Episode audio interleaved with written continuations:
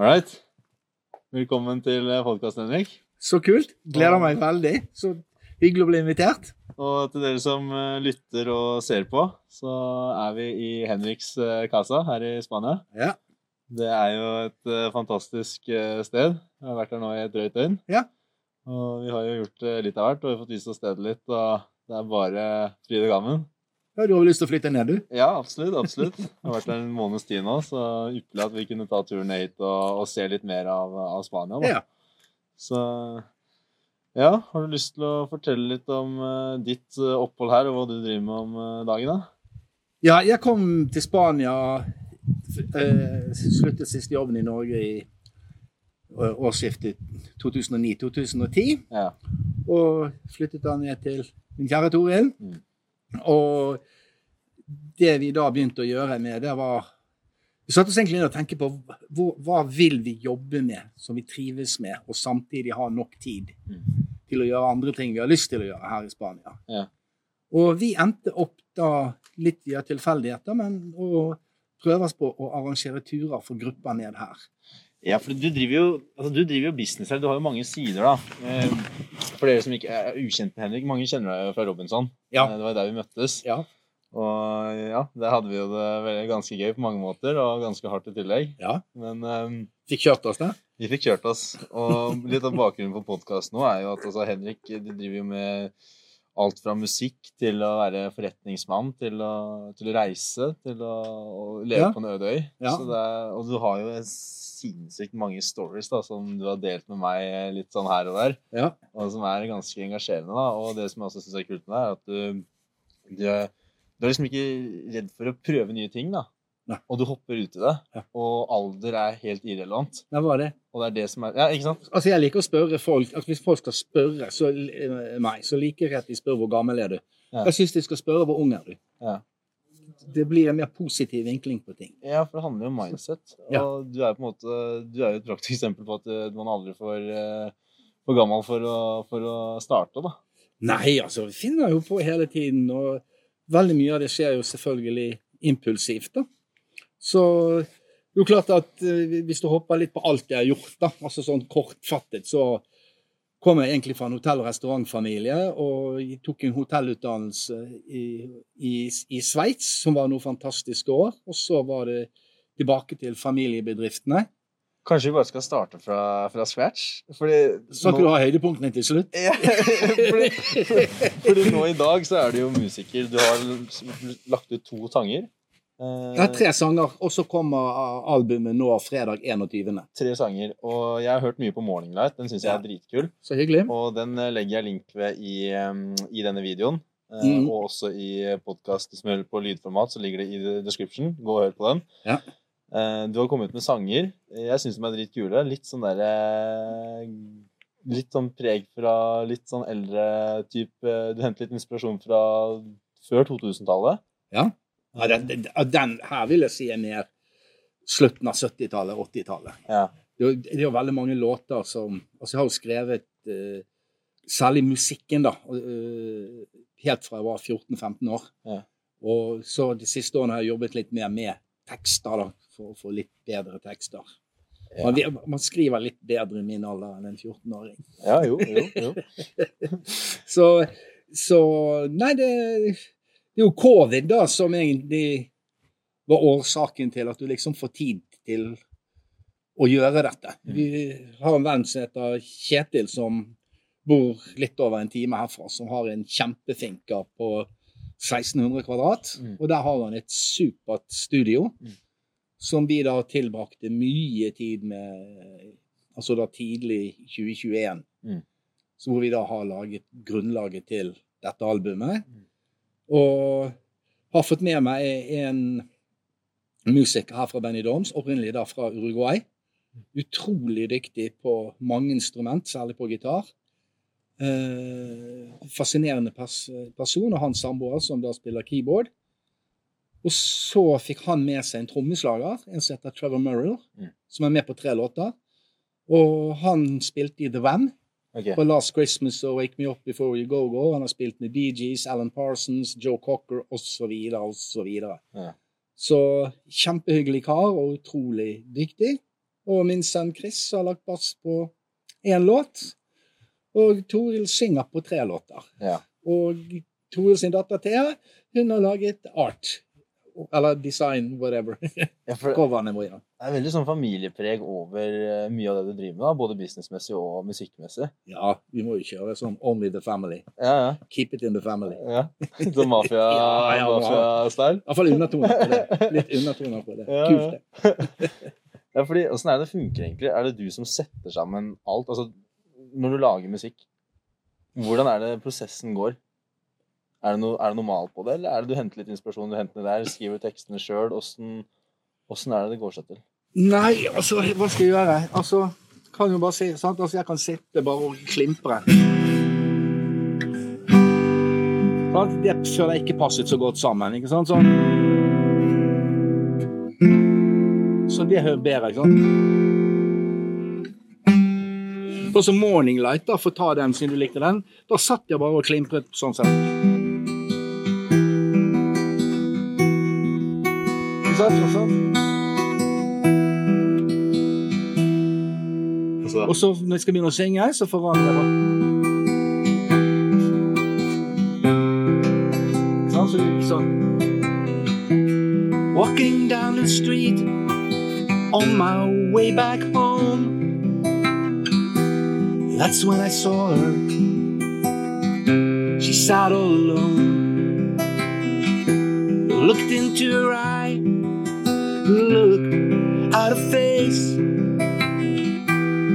we don't see she lost the race. Come with me down the road again. It's time for you to go. Take my hand, I am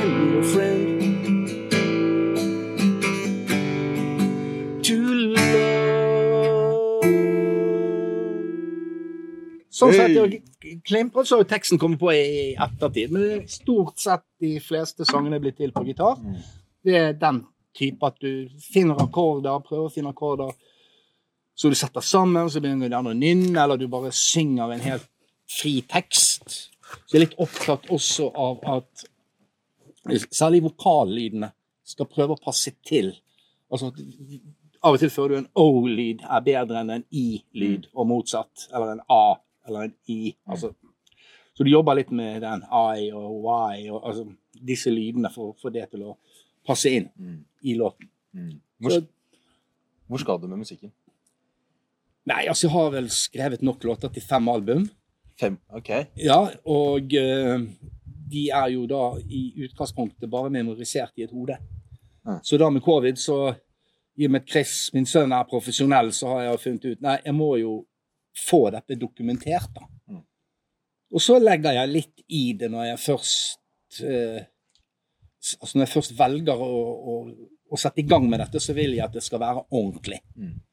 Sant? Så Istedenfor kunne jo bare satt det ned og spilt inn med en akustisk gitar, og, altså sånn som jeg gjorde nå. Mm. Og så gitt ut Nei, vi gjør det skikkelig, skal lage videoer. Og heldigvis da så har gode kontakter, så det har ikke vært eh, det største kostnadsbudsjettet. Og så har jeg da vært i tok kontakt med Lydmuren i Fredrikstad, Mm. som da hjelper til med distribusjon.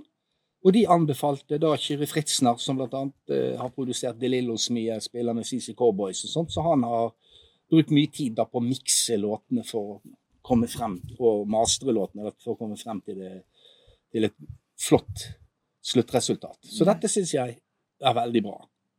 Og jeg har faktisk allerede begynt innspilling på album nummer to. Mm. Og det er da stort sett uh, bare med min sønn foreløpig. Mm. Jeg har lagt grunngitar, og så legger han på trommer og bass og keys, og så har jeg lagt på noen soloer. Og det er også da Toril og jeg som skal synge der, pluss en norsk venn av meg som bor i, i Madrid. Mm. Så for musikk har vært en del av livet ditt egentlig helt siden Ja.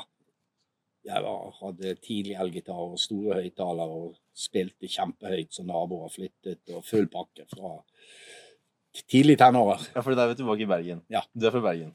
Det hører Jeg- liksom eh, Ja, jeg kaller meg bergenser, men jeg er faktisk født i Oslo. Ja. Ja. Det er jeg. Ja. Så begge mine foreldre flyttet da til Bergen i 1960. Og da starter livet i utelivs- og, og, og restaurantbransjen. Eller Min far begynte med hotell, og de var jo også veldig musikalske. Og de startet jo en veldig anerkjent jazzklubb da, på Hotell Neptun. Og hadde flere internasjonale eh, og ikke minst store norske navn som var der. Mm. Og der holdt han på i fire år. Så startet han sin egen restaurant, og så startet man da diskotek, som det heter den gangen i 1970, og så ballet det på seg. og jeg fortsatte da med egen, eller overtok en av disse, gjorde det om til en nattklubb frem til 1995. Og så drev andre deler av familien altså kunstnerrestauranten Blom i Oslo. hvordan var det fordi, Hvor gammel var du når du begynte å jobbe i nattklubben? Altså, kan du ikke ta den storyen der? Altså, Første gang så trengte de hjelp på åpningsdagen. Det var 8. mai 1970. Jeg var tolv år gammel og sto i oppvasken. Ja. Det var min debut. Så gikk det noen år før jeg begynte i nattklubben. Jeg tok først blant annet eh, læretid.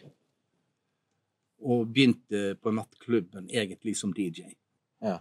i 1976, og da var jeg 19 år. Ja. Så jeg var sånn kombinert kokkelærling og DJ. da. Det var mye bedre å være DJ enn å gå på kokkelærlinglønn. Ja. Og hvordan var det å fortelle litt om uh, nattklubblivet? Og du har jo eksperimentert litt eh, med ulike måter å spille sanger på og få opp livet på klubbene. Kan du ikke ta Jo, altså, 70, altså på slutten av 70-tallet, da kom jo først eh, kom jo da diskoen med Saturday Night Fever, og, og Michael Jackson begynte, og alt dette. Så jeg skal karakterisere hvordan vi som DJ da måtte spille musikk, så var jo det litt mer sånn som et danseorkester, ikke danseband. Altså du måtte spille variert. Mm. Du spilte tre til fire raske, og så var det to slow. Og du skulle innom hitlister i Norge, du skulle innom hitlister i England og USA. Og, så det var lite rom. Men jeg fant jo på noen sprell da på slutten av 70-tallet. Blant annet så hadde vi en eh, DJ-boks med sånn gardin vi kunne ta for. Så av og til så lukket jeg den, og så satt jeg og spilte akustisk gitar som slår. mens noen åpnet der. Okay. Så jeg spilte ikke en plate, jeg satt selv fysisk og spilte med gitaren. Ja, Og folk syntes det var stor stas. ja Var det ned på, ned på dansegulvet? Nei, det var senere. Det var nattklubben min som jeg da startet på slutten av 80-tallet. Ok. Hvor DJ-ene hadde gått veldig mye mer over til å prøve å få alle låter til å gå i samme takt hele kvelden. Altså, de, de, de var veldig opptatt av den type profesjonalitet. At, eh, at eh, så, så det ble veldig likt. Så jeg var, spilte ikke noen rolle hvor du gikk ut, om det var i Oslo eller i Bergen eller hvilket sted. Alle spilte tilnærmet lik, lik musikk. Mm. Og da begynte jeg å lage en musikkstil basert på musikk du har hørt, men hører sjelden, parentes, aldri ute. og kunne da ha alt fra Aretha Franklin, eh, Crosby, Still Nation Young, det kunne være U2, eh, Simple Minds, Zeppelin, The Purple, altså en miks av alle typer eh, altså sjangre. Altså Waterboys, altså irsk folkemusikk, jeg kunne ta norsk altså Jeg bare blandet det sammen. Og det traff studentmiljøene midt i hjertet. Så det var en kjempesuksess. Mm. Mm. De innoverte litt, da. Ja, de, ja for det, de likte det. sant? Altså, Det var variasjon, og, og det var gode kvelder. Men det var lange kvelder, var det ikke det? Jo, altså, skal vi se, da jeg begynte, da hadde vi jo tre barn.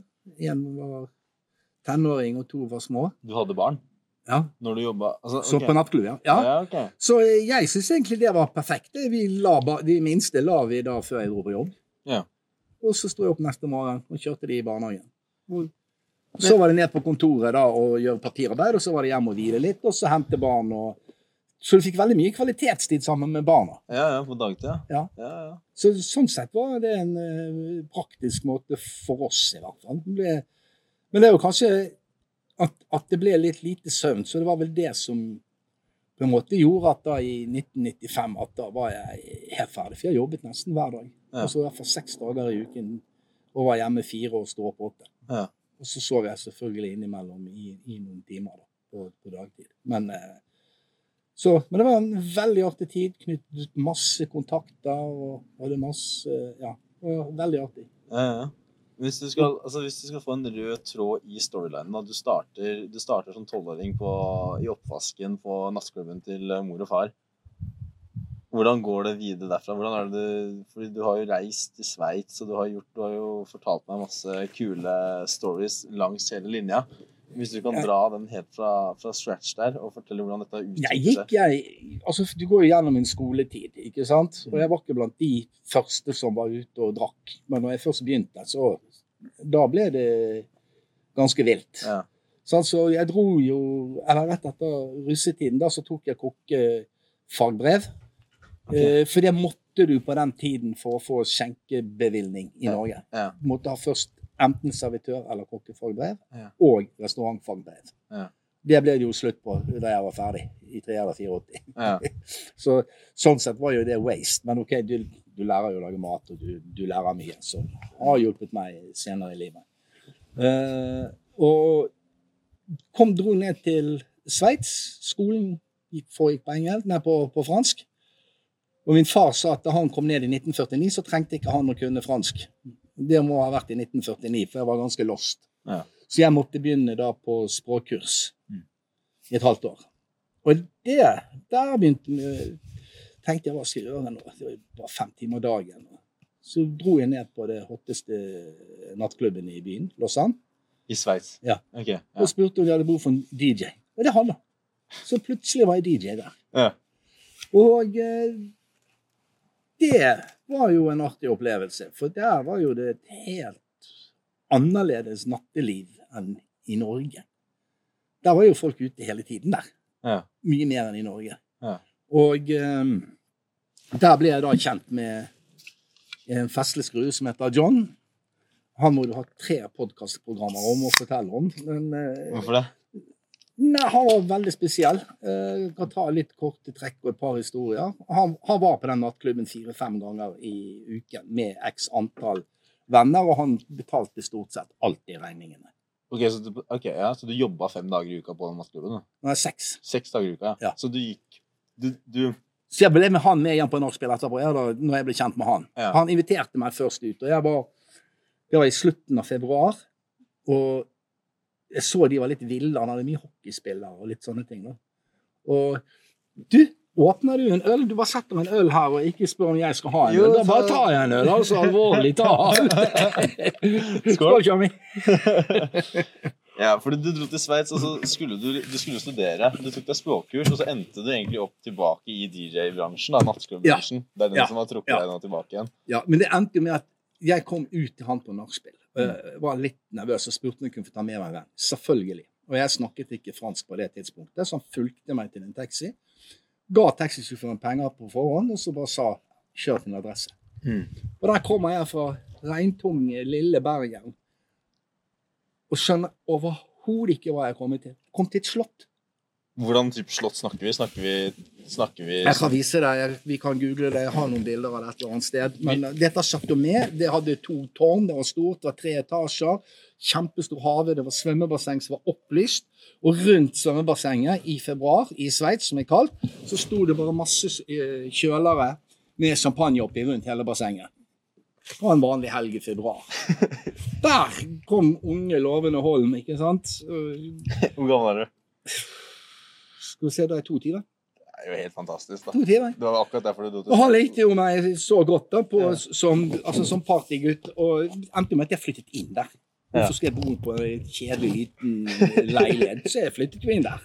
I slottet? ja. Ja, ja, ja. Og han hadde da tolv hester og fem biler, og, så det var full rulle. Det, det som er kult her, er jo at du, du, du har jo på en måte lagt inn forarbeidet, da, for å ta noen sånne prinsipper. Da. Du har jo på en måte du har brukt mye tid eh, i nattklubbbransjen i Bergen. Ja. Og ofra mye. Du har blitt god. Mm. Og så kommer du til Sveits, helt nytt sted, uten noe nettverk. Og så ender du opp i et slott nå. Ja. Men det er jo fordi at du benytter deg av denne skillen du har allerede lært deg. da. Ja, det var fem uker. Så nærmeste nabo var Emerson Fittipaldi. Ja. Hvis du vet om det. Nei. Han var, jeg tror det var det året han ble Formel 1 verdensmester. Ok. Ikke sant? Det var på det nivået. Uh, prinsesse Caroline var flere ganger på party der. Ja. Altså, Prins Faisal var der. Altså, det var en ganske høy, eksklusiv liste. Så der var unge Loven og sitt rette element. Ja, ikke sant? Men, men uh, var du DJ på i, i, i Slottet òg, eller? Ja da, når han hadde han, fant, han bestemte seg for for Han var helt hestegal, så han bestemte seg for å arrangere sånn sprangridningskonkurranse Ok. I hagen. Ja. Og det bare ballet på seg. Så det endte med vi skulle ha militær hinderløype, hvis du vet hva det er. Ja. Da er det faste hinder. Sånn. Så vi brukte ett år på å gå rundt og spikre opp hinderløype ute i skogen. Og så var det en natt vi kom hjem fra nattklubben. Og så sa han jeg har leid inn noen traktorer. Og hva skal vi? Nei, vi må pløye potetåkeren. Hvorfor det? Nei, der skal det bli galoppbane. Så, så, altså, du skjønner fyren, han var helt gal.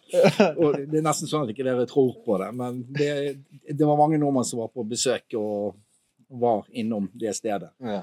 Og, så da var jeg DJ og sjef for alt event og underholdningen under det eventet. Og han fikk det til. Han sendte ut invitasjon til de 20 mest rangerte på World Cup-listen i sprangridning. Mm. På fransk var det Concorde Hippique. Og 18 da de kom. Ja. Så det var jo press, og det var TV, og det var full pakke. Det var nesten som et uh, VM, eller? Nei, det er sånn World Cup. Det er, altså, det er jo et World Cup som ikke var et World Cup. Ja. Ikke sant? Altså, det er jo det samme som hvis noen skal ha privat langrenn og invitere topp 20 på, på World Cup, og så Ja, kommer de. kult. Uten at det er i regi av noe forbund. Hvor lenge Så- han? ja. Ja, så han eh, Så jeg begynte jo på skolen til høsten, og det ble jo litt mer alvorlig. Og så tok jeg eh, skolen jeg gikk på, var fem måneder skole og fem måneder praksis. Ja. Så da begynte jeg Første praksisen min hadde jeg, det var i servitør. Det hadde jeg i Genéve, på et femstjerners hotell.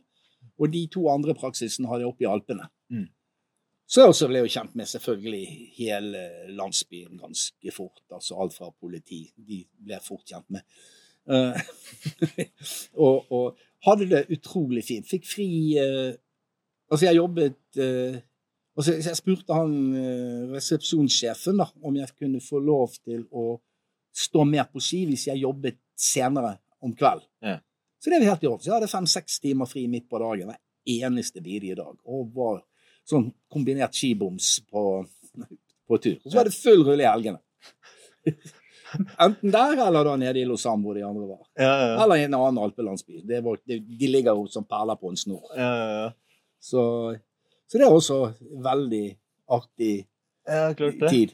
Det må jo være helt sykt. Ja. Min bror kom jo opp og også, så vi, og jobbet der på samme hotellet. Det er jo sånn du ser på film, dette her, da. Ja, jeg er fullstendig klar over at det kan lages eh, film av det. To av barna mine har, har begynt jo egentlig på å skrive manus for å lage en sånn à er det 70s, en eller annen serie heter. Ja. All the 70s, eller noe sånt. så det er artig. Veldig lærerik. Lærte meg jo fransk også veldig fort. da. Ja. Så etter et halvt år var jeg omtrent flytende, for, for det var veldig mye fransk på det slottet. Så det hjalp meg veldig mye på den biten. Har du vurdert å dra inn noen franske gloser og sånn i musikken din? eller? Nå du lager nå? Ja, jeg har, har det på tanken. Ja, det du har faktisk vært borte Jeg har vært borti det både på øh, spansk og fransk, å legge det inn i, i sangene. Men det skal liksom passe, som du sier, det må ha en rød tråd. Og, og det, det må være noe som passer inn. Mm. jeg Så jeg, jeg har det i baktanken på Det må Nå er vel album to er vel egentlig ferdig på teksten, men da er det album tre. Mm. Så jeg har liksom en sånn plan hvis at, hvis at det er greit med musikk, og folk liker det og alt det, så tror jeg skal ta fra de to første albumene, så skal jeg lage et tredje album som skal bare hete Meditasjon. Okay. For jeg skal ta de helt ned på basic, Ja. disse låtene. Ja. Altså veldig, veldig rolig, lite trommer og alt dette. Og så har jeg da, hvis det skjer, så har jeg tittel på fjerde album med klart. Okay. Og det skal være heavy metal. Oh, ja. Du kjører masse forskjellige er Akkurat. Og det vet du hva det skal hete, det albumet? Nei. Man setter ikke bestefar i en bås. Det er en fantastisk tittel. ja, ja. Man må bare kjøre på. Eller ikke sett bestefar i en bås. Han har levd for lenge for det. Ja, så, fordi, tilbake til eh, Sveits. Du går hotellskolen, du har vært og bodd i et slott. og hvor går, hva, hva, går, eh, hva er neste på lista? Nei, det var at etter vi var ferdig på hotellfagskole, fikk vi tilbud om et sånt økonomistudie. Det var ikke noe for meg. Ja. Altså sånn en type master. Ja. Jeg gjennomførte det, men jeg tok eksamen. Jeg har ikke vært og hentet eksamensresultatene. Det var ikke noe vits. Nei. Så, og det siste året var tungt. Da hadde jeg vært fire år i Sveits, og det var på tide å komme seg hjem og roe, roe seg litt ned. Ja. Så eh, Men jeg burde nok ikke ha dratt trygt hjem for å begynne å jobbe i en familiebedrift. Det, det ser jeg litt i ettertid. Det var faktisk et litt for safe valg. Jeg Mm. burde ha gønnet litt mer på. Men det tror jeg var fordi at du var sliten etter det siste året. Ja. For da, da var det, hadde litt dårlige boforhold og litt altså, Det var mye, mye som gikk galt det siste året. Og da eh, der, der burde jeg nok ha enten tatt et friår, bare, eller i hvert fall et halvt år eller noe sånt, og tenke meg litt om, eller ha dratt til noe annet i et annet sted. Ok. i- Sånn i ettertid. Ikke Norge heller. Altså ut og finne på noe nytt. Bare fortsette. Ja. Holde det gående. Ja. Men du dro hjem, altså? Ja. Og da traff jeg jo da det som ble min kone, og vi fikk først ganske kjapt to herlige barn. Og noen år etterpå det fikk vi vår siste. Og da jobbet vi i familiebedriften og frem til 95, og da kan godt si at jeg gikk på en vegg. Ja. Og, og eh, tok et 18 ukers salgslederkurs som var veldig artig. Lærte mye. Jeg fikk altså, veldig mye om salg og teknikker og, og alt dette. Så det, det syns jeg var veldig interessant. Og så begynte jeg å eh, søke på jobber. Og jeg, jeg skal ikke si at jeg har tatt feil valg, men det er iallfall feil valg når det gjelder økonomi. Okay. For jeg har valgt mer nye, spennende bedrifter. Uten egentlig å At jeg kanskje burde ha sett på et tidligere stadium dette, disse kan ikke overleve. Det er for, det er for snevert, det er for tungt. Ja. Så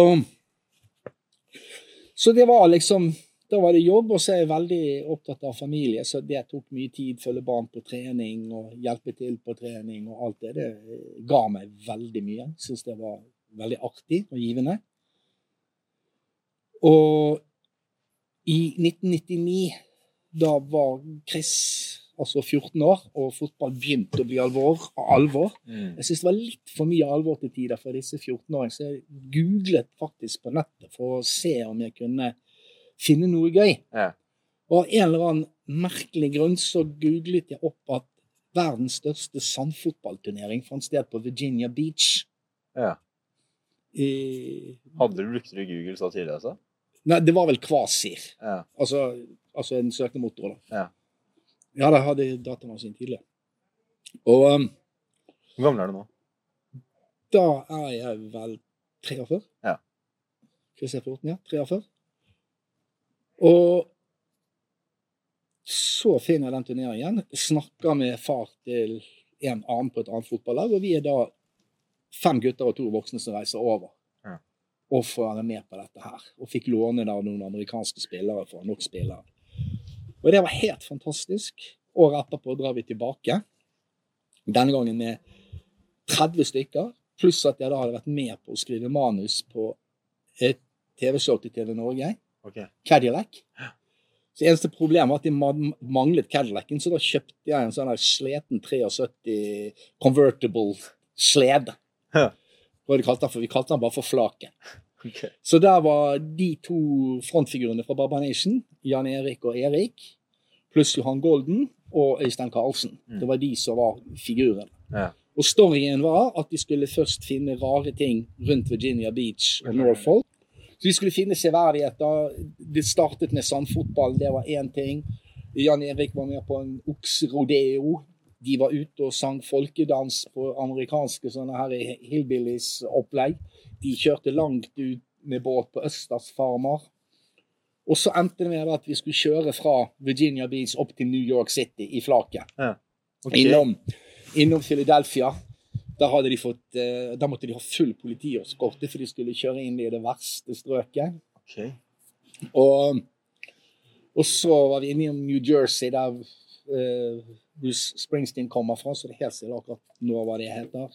Og jeg husker at det, fast, altså, det var helt utrolig. Så New Jersey ligger jo og, altså, det ligger jo bare litt over en time fra New York City. Mm. Og det var de strendene.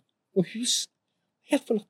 Det så ut som et spøkelsesby. Du kunne se at det hadde vært gamle, flotte hotell og kasino og alt. Det var liksom bare helt ødelagt. Veit du hvorfor? Nei, jeg vet ikke hvorfor. Ah. Det var bare et eller annet som hadde skjedd, altså at de sluttet å komme. Ah. Så var vi inne i, i, i New York. Og ja, og filmet der. Husker en scene med Johan Golden som han står midt på, på Broadway. Altså ik- ikke i Harlem, som Bruce Will, Willis gjorde, hvis du husker den første. Eller det var den andre Die Hard-filmen hvor det står I hate niggers. Uh, okay. Og der sto Johan Golden uh. med plakat foran og bak uten klær og, og sier I hate white people. Og en del som snudde seg da. Uh. Så, og da Samfotball så fikk vi kontakt med uh, en som spilte profesjonelt i USA. Men hvordan var det du endte opp med å skrive Hvordan var det du endte opp med TV Norge og dette TV-konseptet? egentlig? Det var for å få sponsepenger til den turen for alle guttene. Så jeg klarte å finne 400 000 i sponsing, flybilletter og alt, av at det kom da TV og alt dette med. Ok. Så det var jævlig jobb. Ja, shit. Det må ha vært det. Ja da. Det, det er jo vanskelig utfall. Det er jo helt utrolig at du får det til. Men altså, du får jo det egentlig til når du bestemmer deg for noe. Ja, For du lagde konseptet, sendte det til Norge? Ja, det var sammen med andre manusforfattere. Ja. Altså, jeg hjalp dem. Ja, ja. Altså, jeg gikk til Det var vel ikke til selve TV Norge, det var til noe som het MTV Produksjon. Okay. Altså litt sånn som Strix eller Ja. som de har vært borti. Og nevnt og Nordisk film er det vel altså samme som dem. Ja, riktig. Um, så, så, så fikk vi kontakt, og så sa han at jeg måtte sende en mail til en som het Juan. Ehm, Juan Carlo, i to ord. Signorini. Så var det noe kjent med det navnet der. For jeg en annen person som også omtrent bodde på det slottet. Italiener som het Giancarlo i ett ord. Ja. Signorini. Ja. Eller minnet om han. Så jeg skrev til engelsk Hei, um, Henrik, for å spørre om vi kunne få lov til å delta med Norge. På sandfotball? Ja, altså i profesjonelle sandfotballmiljøer. Ja. Og hva som skulle til. Og så skriver han meg ganske kjapt tilbake, og der sto det Giancarlo Signorini. Ikke Juan Carlo ah, ja. i to ord. Ja. Så er jeg tilbake igjen og så sier jeg, er du, er du han som, stud, som studerte og så bodde på St. John da, eh, i, i Lausanne på begynnelsen av 80-tallet? Ja, Henrik Normann. Og så var jo telefonen mitt i to minutter, så ringte han. Og det var han.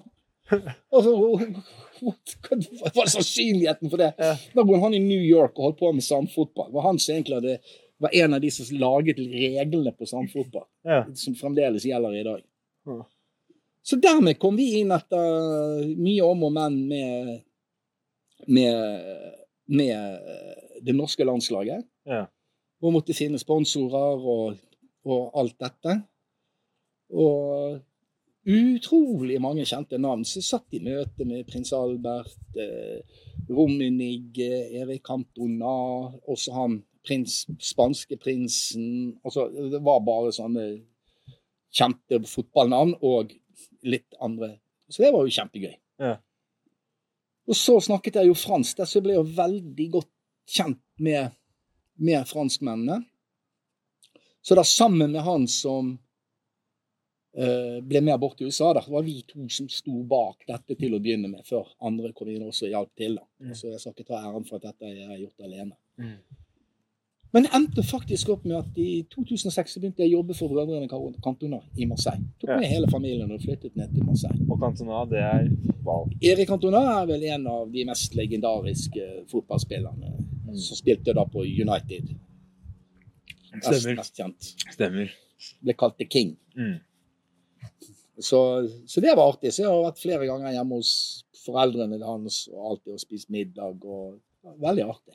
Hvordan var samfotballene? Samfotball, altså Jeg spilte jo ikke, jeg var jo manager, selvoppnevnt altså, selvoppnevnt manager, trener, Ja. med Å-kurs. Ja. Det er det som kommer før A. Ja.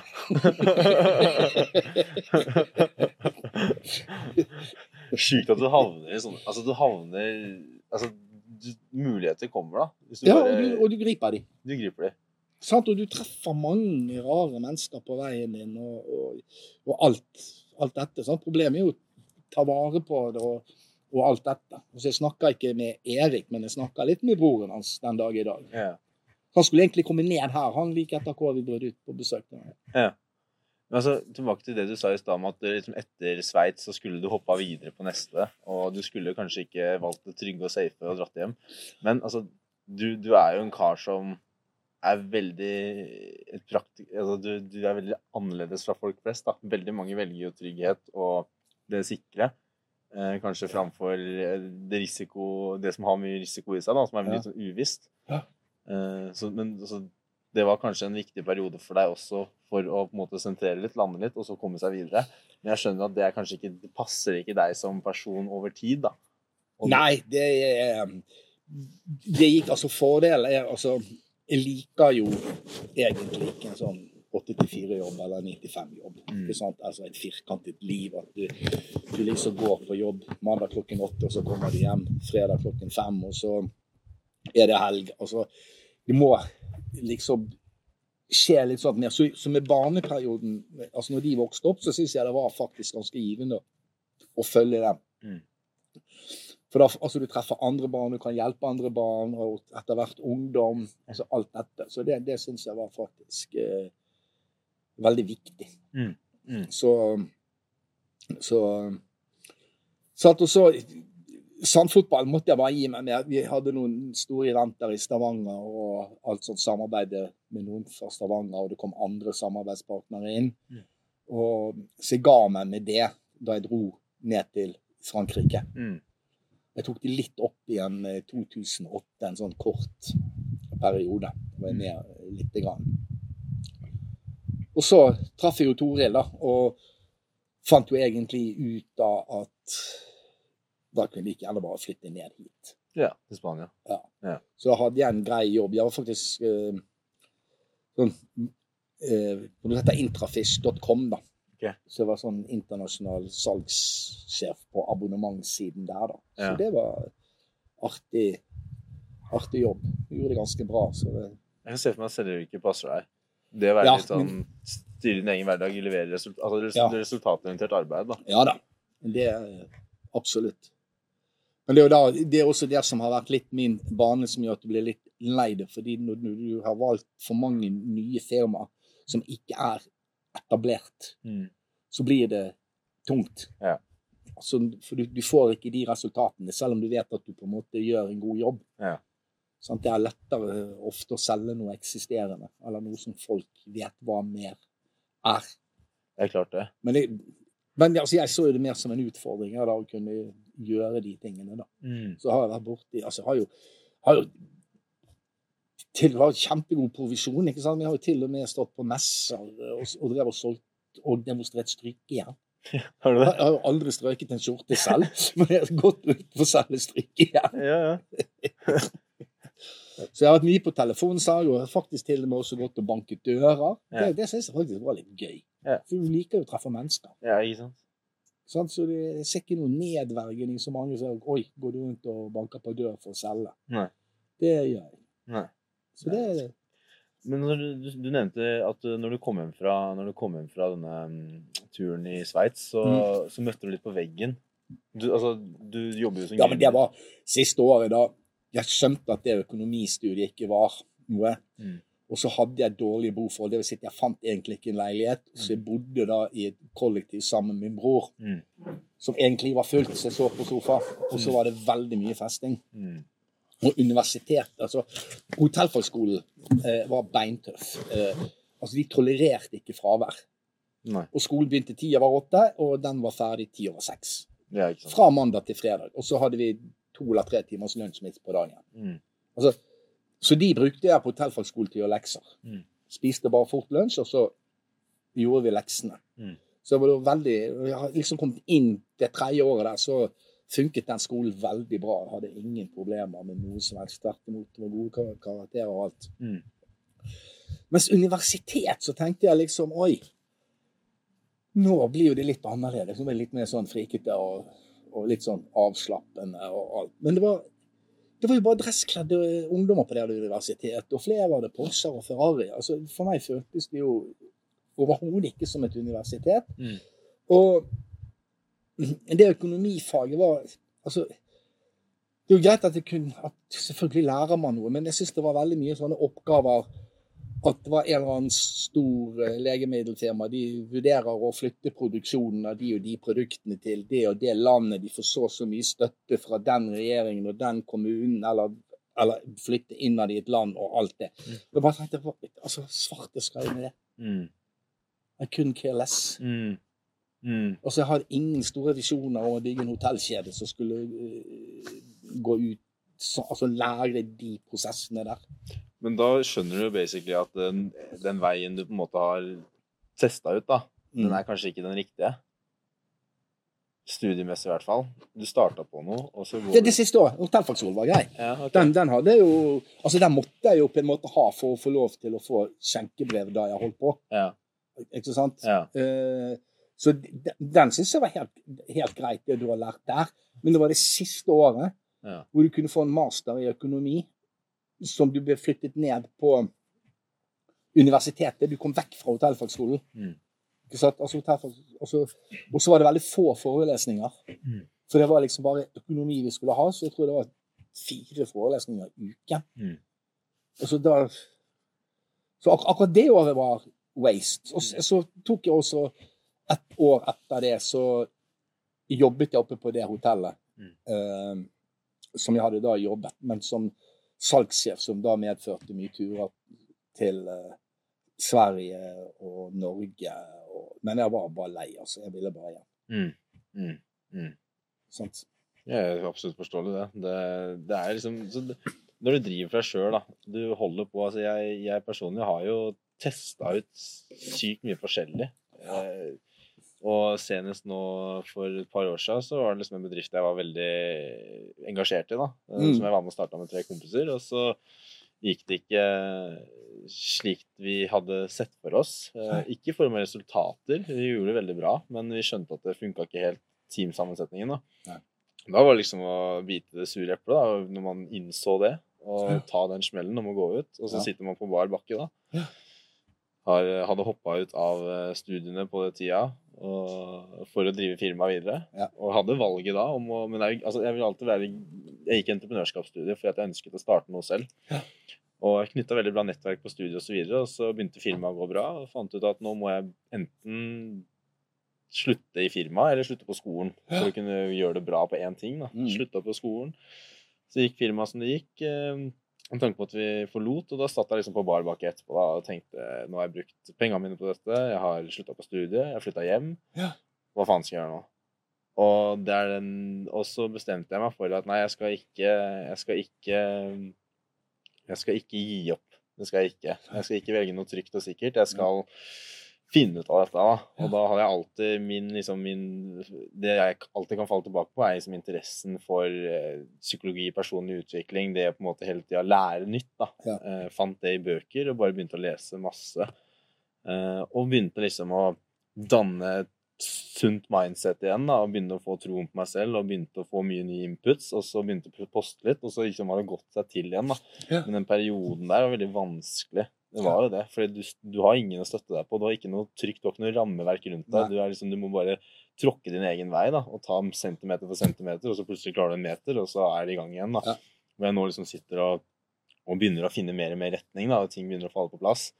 Men du har sikkert vært gjennom en sånn, du også, ettersom du har drevet Ja, og, og altså, du i din situasjon, du er jo alene. mm, Ikke sant? Det er jo verre når du kommer i den situasjonen hvor du har en familie. mm, mm, Ikke sant? mm, Om, du- om du har barn eller ikke. ikke sant? Fordi at barn, barna skal ha klær, og barna skal ha mat, og husleie skal betales, eller boliglån, eller hva man har. ikke sant? Så det er jo klart at det Så så liksom Til deg altså, så er det jo veldig greit å se at du har fått noe til som er trygt, før man eventuelt mm. stifter en familie. Mm.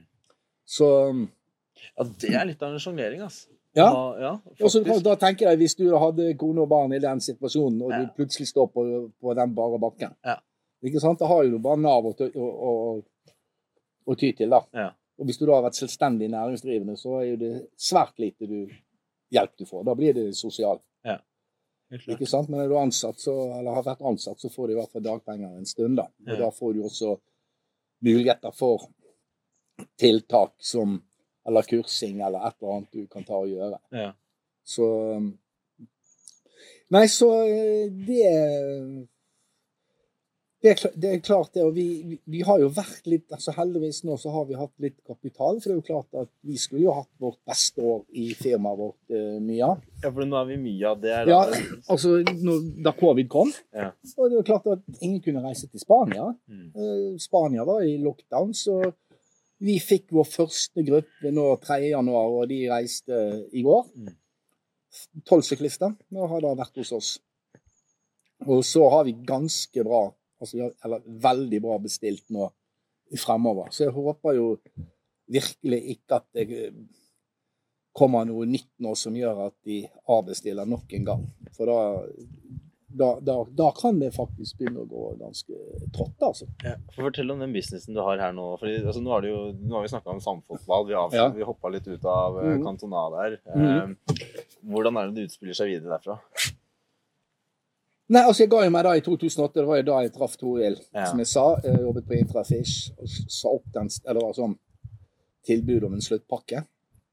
Og, og så begynte vi her nede for å starte mye, ut ifra hva vi kunne tenke å jobbe oss med. Ja. Så vi har da begynte bare egentlig i det små. Og i 2014, i desember eller noe sånt, så laget vi AS. Mm. Og, eh, og så har det bare økt. Jevnt og trutt oppover på antall som kommer. Hvordan klarte dere det? Altså, Det går mye på kontakter og referanser. Og igjen tilfeldigheter. fortell om businessen først. Ja, businessen er at uh, vi tar imot grupper som skal til Costa Blanca. Okay. Det vil si landene i Alicante, og fortrinnsvis i vårt område, som er nord for Alicante, iallfall Stel Pi, i nærheten av Benidorm. Ja. Det kan være firmaturer, det kan være bryllup, tematurer, aktivitetsferier, yogaturer, fjellturer. Hovedtyngden vi har, er treningsleirer Mm. i, i ymse former. Altså, og vi har vel hatt 30, 32 forskjellige idretter, minimum, på treningsleir. Vi har hatt alt fra profesjonelle vannjettverdensmestere til triatlon, fotball, håndball, langrenn. Ja, masse sånt. Ja. Så det, Fantastisk kul jobb, da. Mye Ja, det er kjempegøy. Og, og gøyeste er jo egentlig å jobbe med all den flotte idrettsungdommen som da fins rundt på, på skoler. Vi har mye skoler som kommer ned. Mm. Altså både idrettslinjer, toppidrett og De blir så glad når de kommer ned her, ikke sant? Altså? Pensjonister er som regel litt sånn de skal ha sånn service, hvorfor ikke det, hvorfor ikke det? Men altså, ungdom de bare smiler og er hyggelige. og Selvfølgelig skal de tøye grenser, men det er bare til å La de få lov til å tøye grenser, så gir de beskjed når de da passerer de grensene. Ja, ja, ja. Ikke sant? Det klart det. Så Nei, det, det er liksom konseptet. Og da fikser vi alt fra de lander. Mm. All transport, om de skal Hvilke treningsanlegg, hvilke restauranter, hvilke konferanselokaler, hvilke fjell, eller hvor de skal ha yoga. Altså, vi legger opp det eh, innlegget. Det, det som vi faktisk har hatt litt suksess med når det er større grupper, Mm. da inviterer vi to ledere Mm. ned.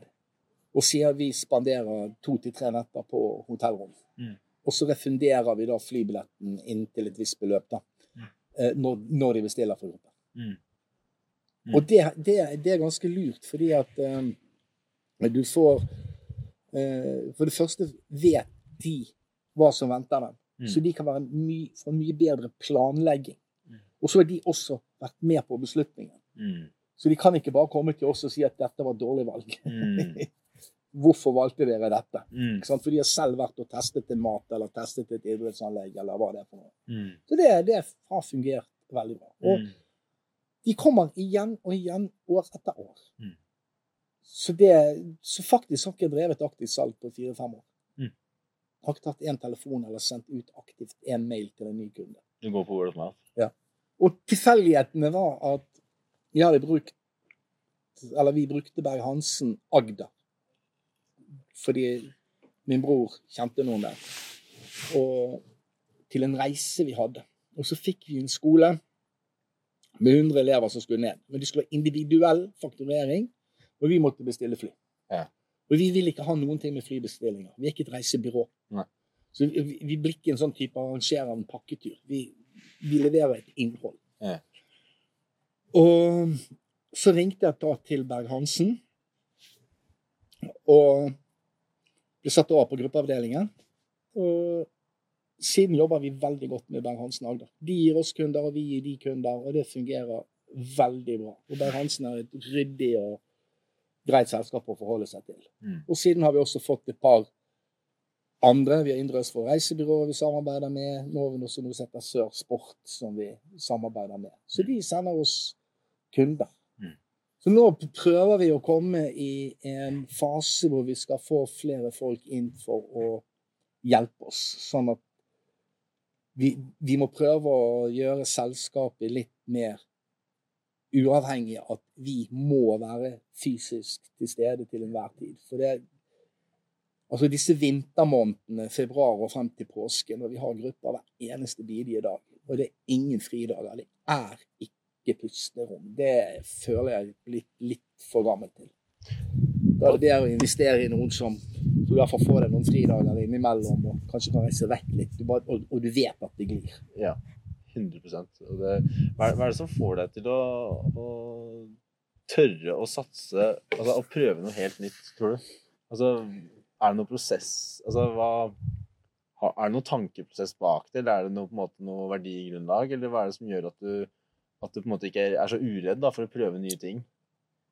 Og at du ikke bare på en måte Jeg er i hvert fall ikke uredd på å prøve nye ting. Ikke sant? Et godt eksempel er jo når vi satt her, var vel i februar-mars i fjor, at det ringte Kristine ringte fra castingen.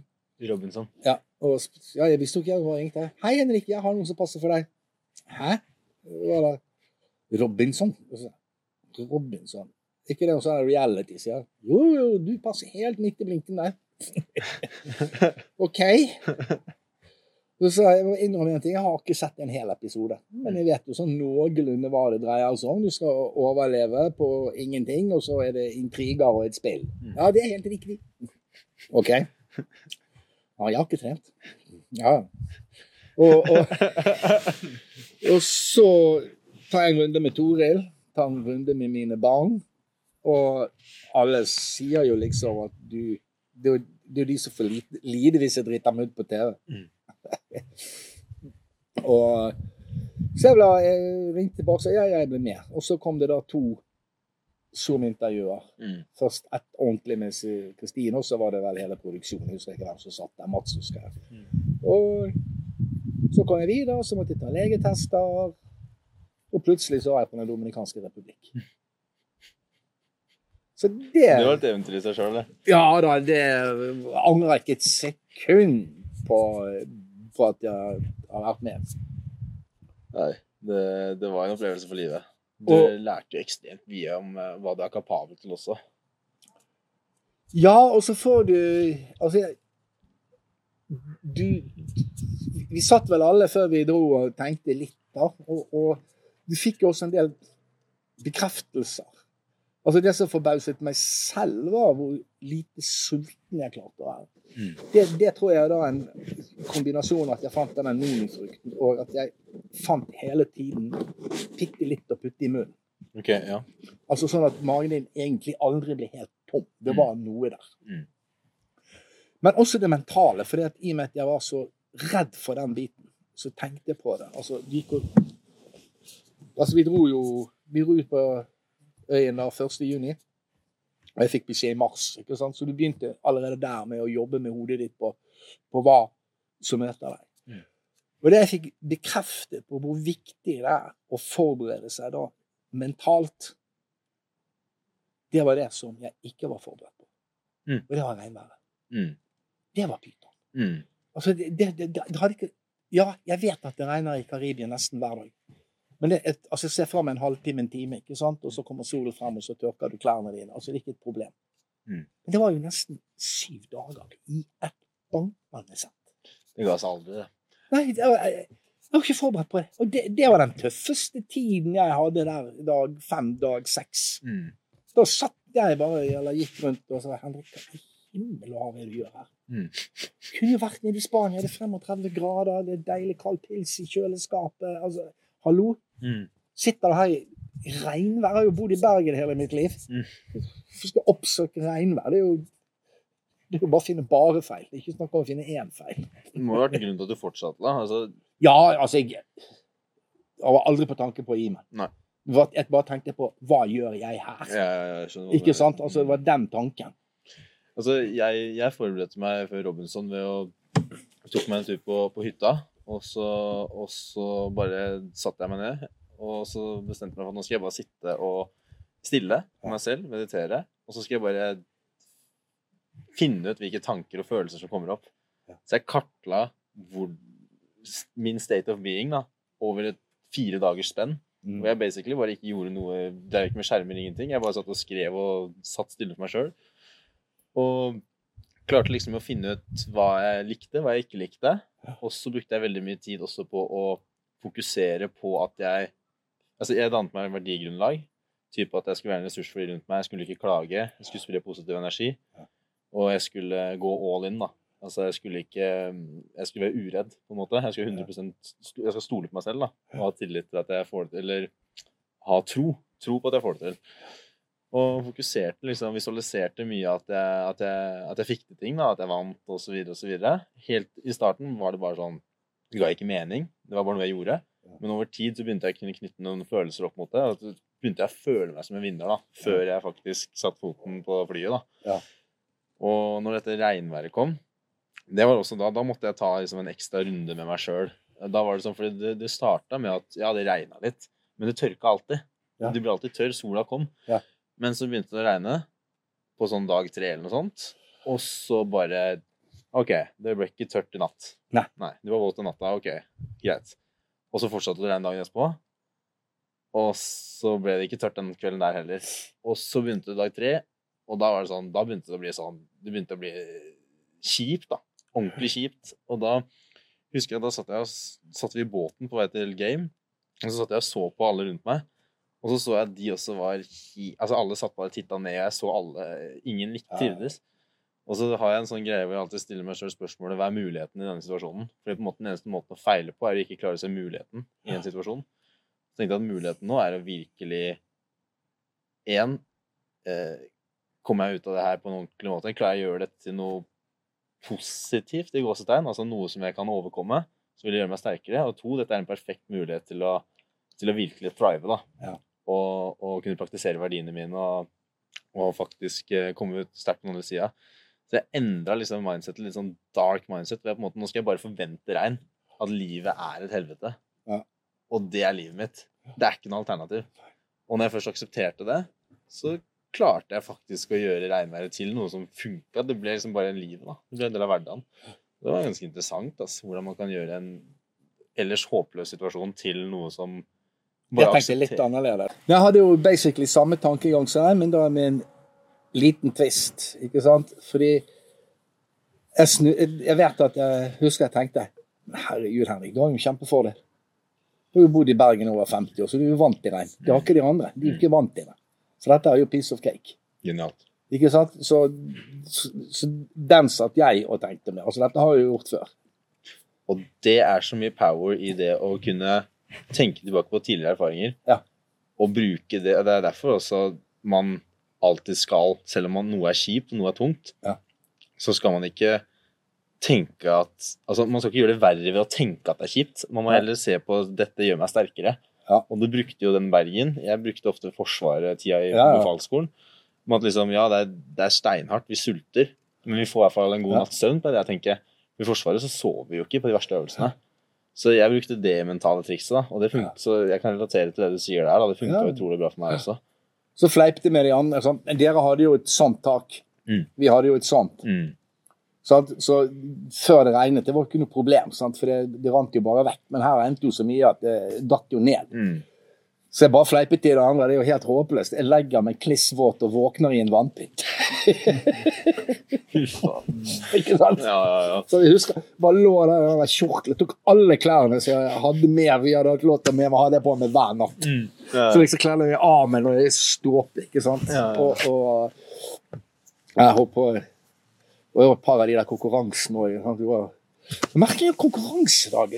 Var det av en eller annen merkelig grunn, så var det ofte klart. Ja. Så altså, det var jo liksom Så var det den ene Var, var, var det den dagen vi løftet det der tunge huset? Når Adrian knakk tåa? Nei, Å ja, det tunge huset. Den, det var så varmt. Ja, det var grisevarmt. Det var da folk Og, og jeg fikk jo ikke lov å ta vann på meg. sant? Dere fikk lov, og Amalie. Jeg bare sa at «Nå ser jo om de gjør det. Ja, men reglene reglene. jeg bestemmer. Ja, jeg vet det. Og så, og så tok jeg og dytt, svetet jeg det der eh, Bonnie, ja. det båndet. Fikk kjeft. ja. Du er vant til å få litt kjeft på Ja, men, herregud, hva er livet uten kjeft? Dødskjedelig.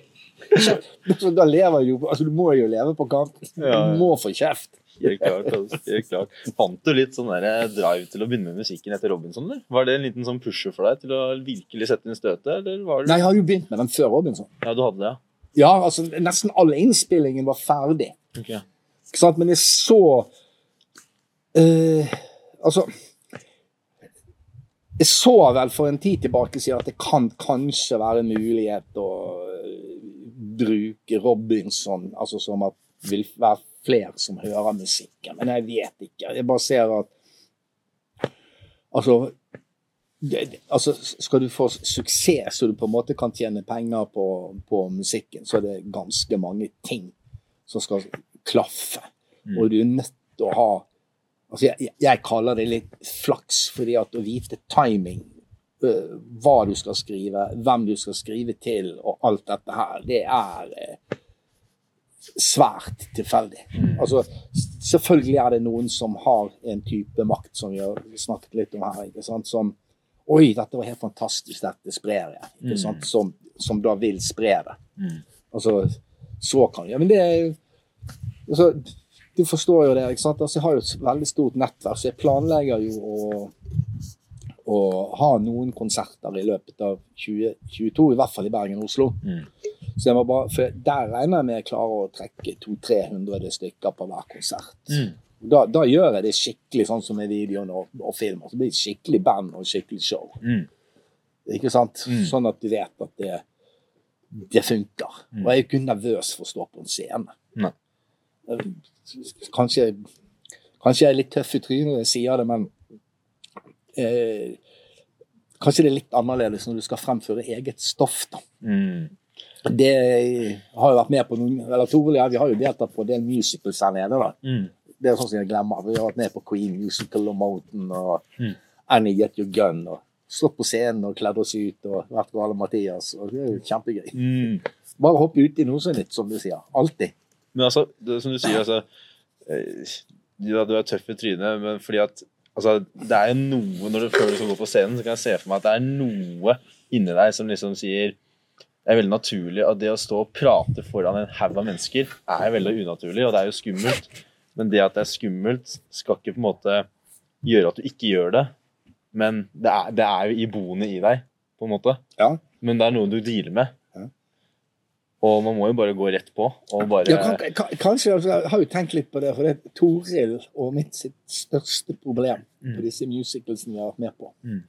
Det er jo frykten for å huske tekster. ikke sant? Kommer jo helt ut av det. ikke sant? Mm. Og, og, og, eh, så, så det har jo kanskje overskygget en annen nervøsitet. Mm. Ikke sant? Og jeg vil også faktisk ha litt det på mine egne sanger, at det vil ligge Jeg er helt sikker på at jeg må ha sånn notestativ med teksten for sånn backup. Store bokstaver, så jeg slipper å bruke briller. ikke sant? Så, så Nei, vi får, får se. Jeg håper uh, ting er i orden, og så får vi se om ikke vi klarer oss en, en liten turné. Jeg har jo også tilbud om en turné i England, da får vi se. Men Altså, det er spennende. Dere har jo disse prinsippene. Det handler jo om innsats over tid. da, og Ja. ha troa på det du driver med. Ja. Og du er jo, du, som vi prata om i stad, du lar jo ikke du har, jo, du, du har jo ikke sett noen hindringer eller noen begrensninger på deg sjøl. Så Nei. uavhengig av hvor du er og hvilken alder du er i, så, så lenge du på en måte følger disse prinsippene da, og å legge inn arbeidet, innsats Ja. over tid og ha troa på det du driver med, og ikke minst ha det gøy, Ja. så går det her veien. Jeg, jeg syns musikken din som sagt, jeg synes det er dritkult. og det er liksom et litt annet, det er veldig annerledes ut fra det man hører gjerne på hitlisten osv. i dag. da. Og det syns jeg er, det er et friskt pust, tenker jeg. Ja. Det er kult. Ja, og så, og så prøver jeg altså, en, en, Jeg skal ikke ta alle over en kam, men altså stort sett alle bander og til dels artister på 70-80-tallet, når de ga ut et album, så var det en tråd gjennom det albumet. Mm. I dag føler jeg at de fleste artister uh, er så opptatt av å få den hiten Mm. at de glemmer liksom tråden og det albumkonseptet. Mm. En som er stikk motsatt, så, eh, som faktisk i dag Jeg tror faktisk med hånden på hjertet kan si selv opp til en av mine favorittartister, er Sondre Lerche. For han er så bevisst på det med konsept. sant? Mm. Hvor han har de tre albumene Please Pleasure og Patience, de tre P. Altså han, han ga helt klar beskjed på at det er en trilogi. Mm. Og du hører forskjell. Og når han begynte på det neste albumet sitt, som kommer ut i april. Han har sluppet noen låter der. det er jo bare helt, Han har jo bare løftet seg opp til et helt nytt nivå. Mm. Og det, det er altså om det er en gave han har som klarer det, eller at altså, Han bruker jo sikkert enormt med tid, men jeg skjønner liksom ikke hvor han har fått tiden, for han har jo vært en av Norges mest aktive musikere nå i covid-tiden. Mm. Kjørt rundt i en leid bil med kassegitaren sin og holdt x antall konserter. Det er helt enormt imponerende. Mm. Altså, det, det det, spennende, det blir spennende å følge med altså, og, Ja. se, og se utviklinga her. Du har jo, som du sier, masse i pipelinen. Altså, Ja. Du har fire albumer eh, basically eh, Ja, hvis at det planlagt. blir grunnlag. Det koster jo penger, dette. ikke sant? Så du må jo få en form for en return hvis jeg skal gjøre det så bra. Mm. Men det er ganske innstilt, da. Altså Om ikke det blir så mye produksjonskostnader, er i hvert fall veldig innstilt på å i hvert fall få det ferdig, mm, det som vi holder på med. mm. Så det, det, det må jeg si. Det blir spennende å følge med. Gleder meg til å se det på scenen altså, i Ja. Oslo. Men det, som, det som jeg syns var veldig positivt altså, eh, med Robinson, det var den følelsen å være der ute. Uten en mobiltelefon. Uten å få det der informasjonen som kommer fra media, verken det ene eller det andre. Herregud, for en deilig, fri følelse. Mm. Og det, det har jeg snakket med Toril om, noe vi, vi burde egentlig ha gjort i høst. da. Men ja, akkurat det der har jeg faktisk lyst til å forsøke litt. Og, og hvis vi har noen som selvfølgelig kan ta over Toril passet jo telefon og mail da når jeg var vekke. Mm. Sant? Så du kan ikke bare melde deg helt ut, men at du har noen andre til å passe på og så bare stikke av om det er tre dager eller to dager eller en uke. Og så bare helt vekk. Out på en eller annen hytte eller et telt eller ut i naturen, whatever. Vi har jo sovet ute i naturen før, så Mm. her i Spania har jo vi full mulighet til å gjøre det. Mm. Sånn, Så det er faktisk noe å anbefale. Altså få vekk mobiltelefon fra nattbord og PC og stråling. Skru gjerne av wifi hjemme om natten og sånne ting. Altså det, det Men det beste er selvfølgelig bare å komme seg med jevne mellomrom helt vekk. Altså, jeg merker, jeg merker 100% Jeg har aldri vært så sentrert og så, så klar. Eh, Mm. Både sånn energimessig, altså hodemessig og følelsesmessig som jeg var etter Robinson. Ja. For det var så få inntrykk. Eh, og du hadde community ditt var der, det var deltakerne. Ja. Eh, og så var det på en måte opp til deg sjøl hva du ønsket å feede hodet ditt med. I form av tanker og følelser. Eller hva du i hvert fall ønsket å eh, ta til deg, hva du bare ønsket å distansere deg fra. Ja. Over tid så ga det meg en sånn sinnssykt ro, og jeg merket at i og med at du hele tiden deala med ukomfortable ting Ja. altså, Du levde uten, kom, utenfor komfortsonen din, Ja. så ble jeg totalt uredd. Jeg, jeg fryktet ingenting lenger. Og, og det var ekstremt interessant, og det handler nok med at jeg fant den roen og kunne tillate meg selv å gjennomleve en del ting da, som er innvendig, og så på en måte sentrere meg selv igjen da, og bli veldig klar på hva jeg ønsket. Og så det du sier der med å legge vekk telefonen og ta seg en tur ut og, og, og, og gjøre sånne tiltak, da, det er ekstremt viktig for å finne, for min del, å finne, å finne litt retning igjen. Da, og finne liksom plassen sin og hva man ønsker å, Ja. å gjøre i livet. da. Ja. Fordi i hverdagen, så hvis du sjekker telefonen hver gang du ikke gjør noe, da, så, så til slutt så, så Ja, nå vil jeg sjekke telefonen. Nå har vi sittet der. Nei da. Nei, det er interessant det du toucher inn på der. Altså. Og det, jeg merker det nå som er i Spania her også. Ja. Det er mye nye inntrykk. og det er, liksom, det er jobb og det er trening, men det er det, bare det å kunne stikke ned og ta det badet. da. Eh, ta den løpeturen, få litt sol. altså Du, du, du finner en litt sånn, litt sånn roligere pace, og så får du litt ekstra energi. Og så kan du bruk, kanalisere den på, på å nå, jobbe mot målsettinger. da. Ja. Og det er så viktig, altså. Det er så viktig. Ja. Det, Ja, i hvert fall. må- Ja, vi skal ha målsetninger i vår alder nå. Målsettingen nå er jo å trappe ned Altså passe på at du har et greit nok eh, innkom, da. mm, Og, og at du Eller bak, altså økonomisk bakgrunn. ja. Så, I og med at man dessverre er avhengig av den økonomien. Men eh, for å fokusere mer og mer på å leve, ikke sant. Og det er jo det som er og så når du er I din alder så kan du fokusere. Nå skal jeg bruke ett år, ti år, fem år. øh, jobbe beinhardt. Alt. altså Bare bygge meg opp Mm. en kapital. Så kan du bare plassere pengene dine, og så gjør den jobben for deg. Og så kan du reise rundt. Ikke sant? Og men Robinson lærte meg mye der også, liksom Altså Alle i familien var jo ganske sikre på at jeg ville gå på hodet ut først. Mm.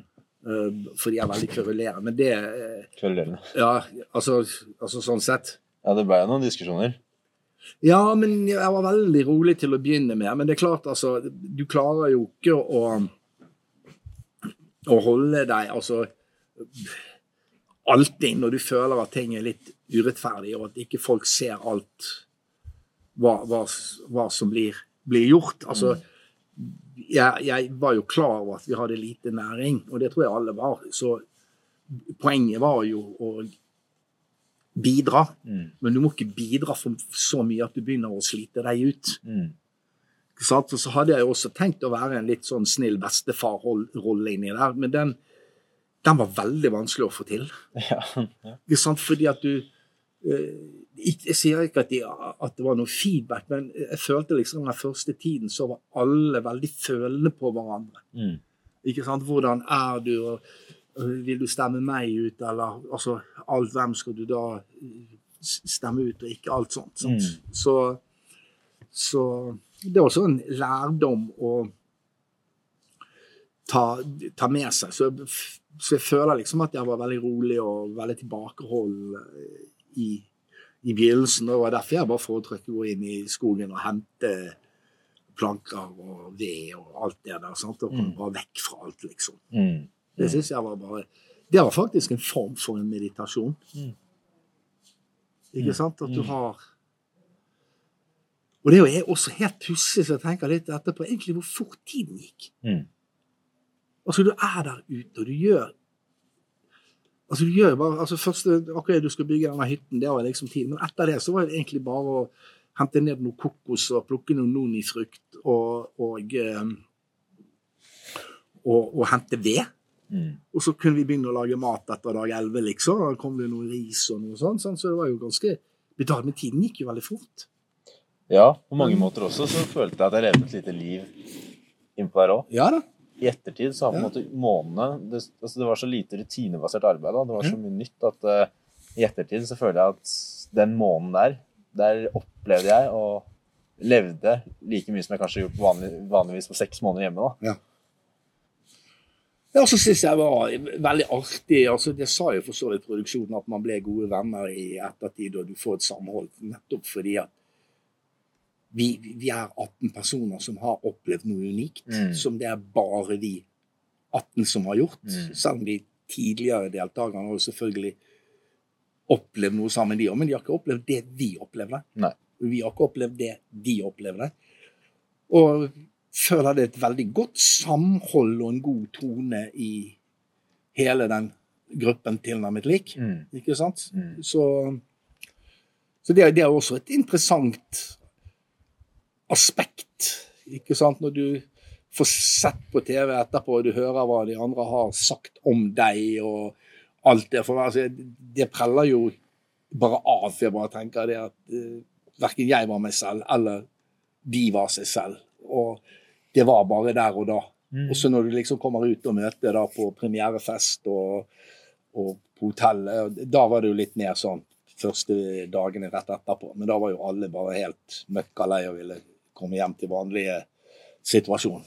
Ja, det er interessant det der du sier, for jeg har hørt andre si det også, at man følte ikke man var seg selv. Men altså, jeg, jeg, jeg føler at eh, kanskje at i vanlig hverdagen så, så, så, så lukker man seg litt. Man viser ikke for mye følelser. Man er ikke, man er ikke i pressa situasjoner hvor liksom man ikke klarer å holde igjen. Mens på Robinson så var man i såpass pressa situasjon at man klarte ikke å holde igjen. da. Så jeg følte jeg lærte, jeg lærte alle å kjenne på godt og vondt. Både så altså, så Man blir jo glad på en måte i alle på hver sin måte, i og med at man lever sammen. Og så er det noen ting man blir irritert over, så er det noen ting man, som er bra. Og så blir det liksom, du får hele det bildet, da.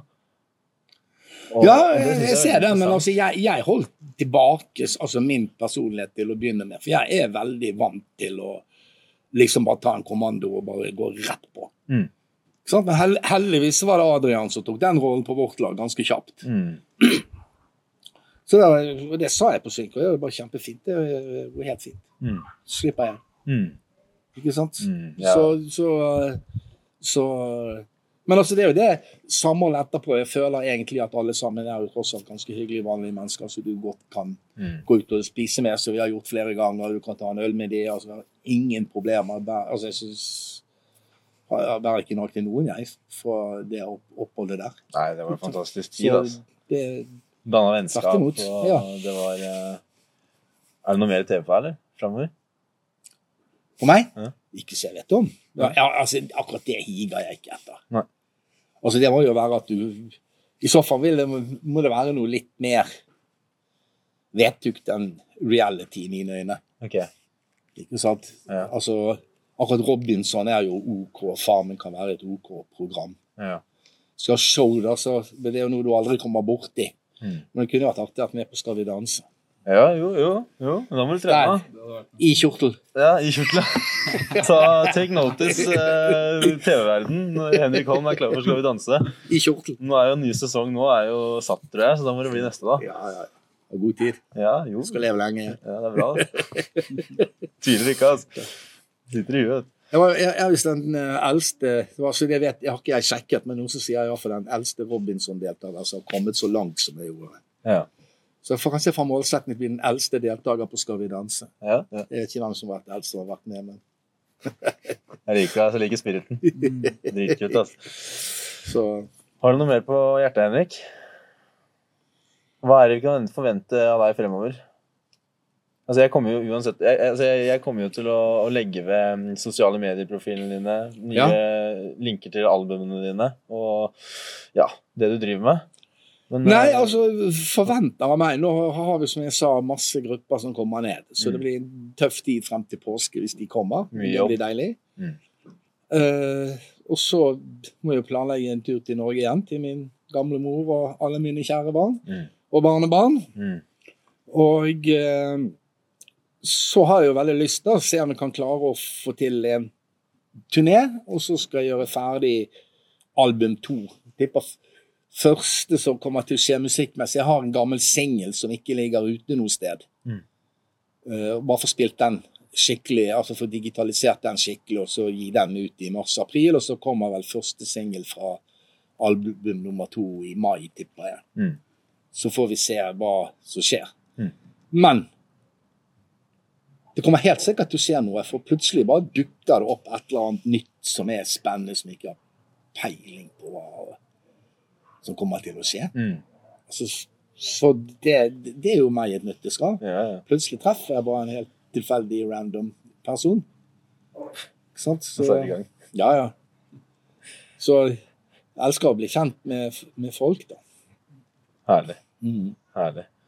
Takk for uh, kul prat. Veldig koselig, og håper ser deg veldig snart igjen. Og takk for gjestfriheten her. Ja da. Det er, eh, det skal folk vite. Altså, Henrik har varta opp med, med middag og, og, eh, og losji. eh, Kost og losji. Og Ja. Fantastisk sted, altså. Det ga mersmak. Og interessante samtaler med Toril. Ja, stemmer. Ta henne.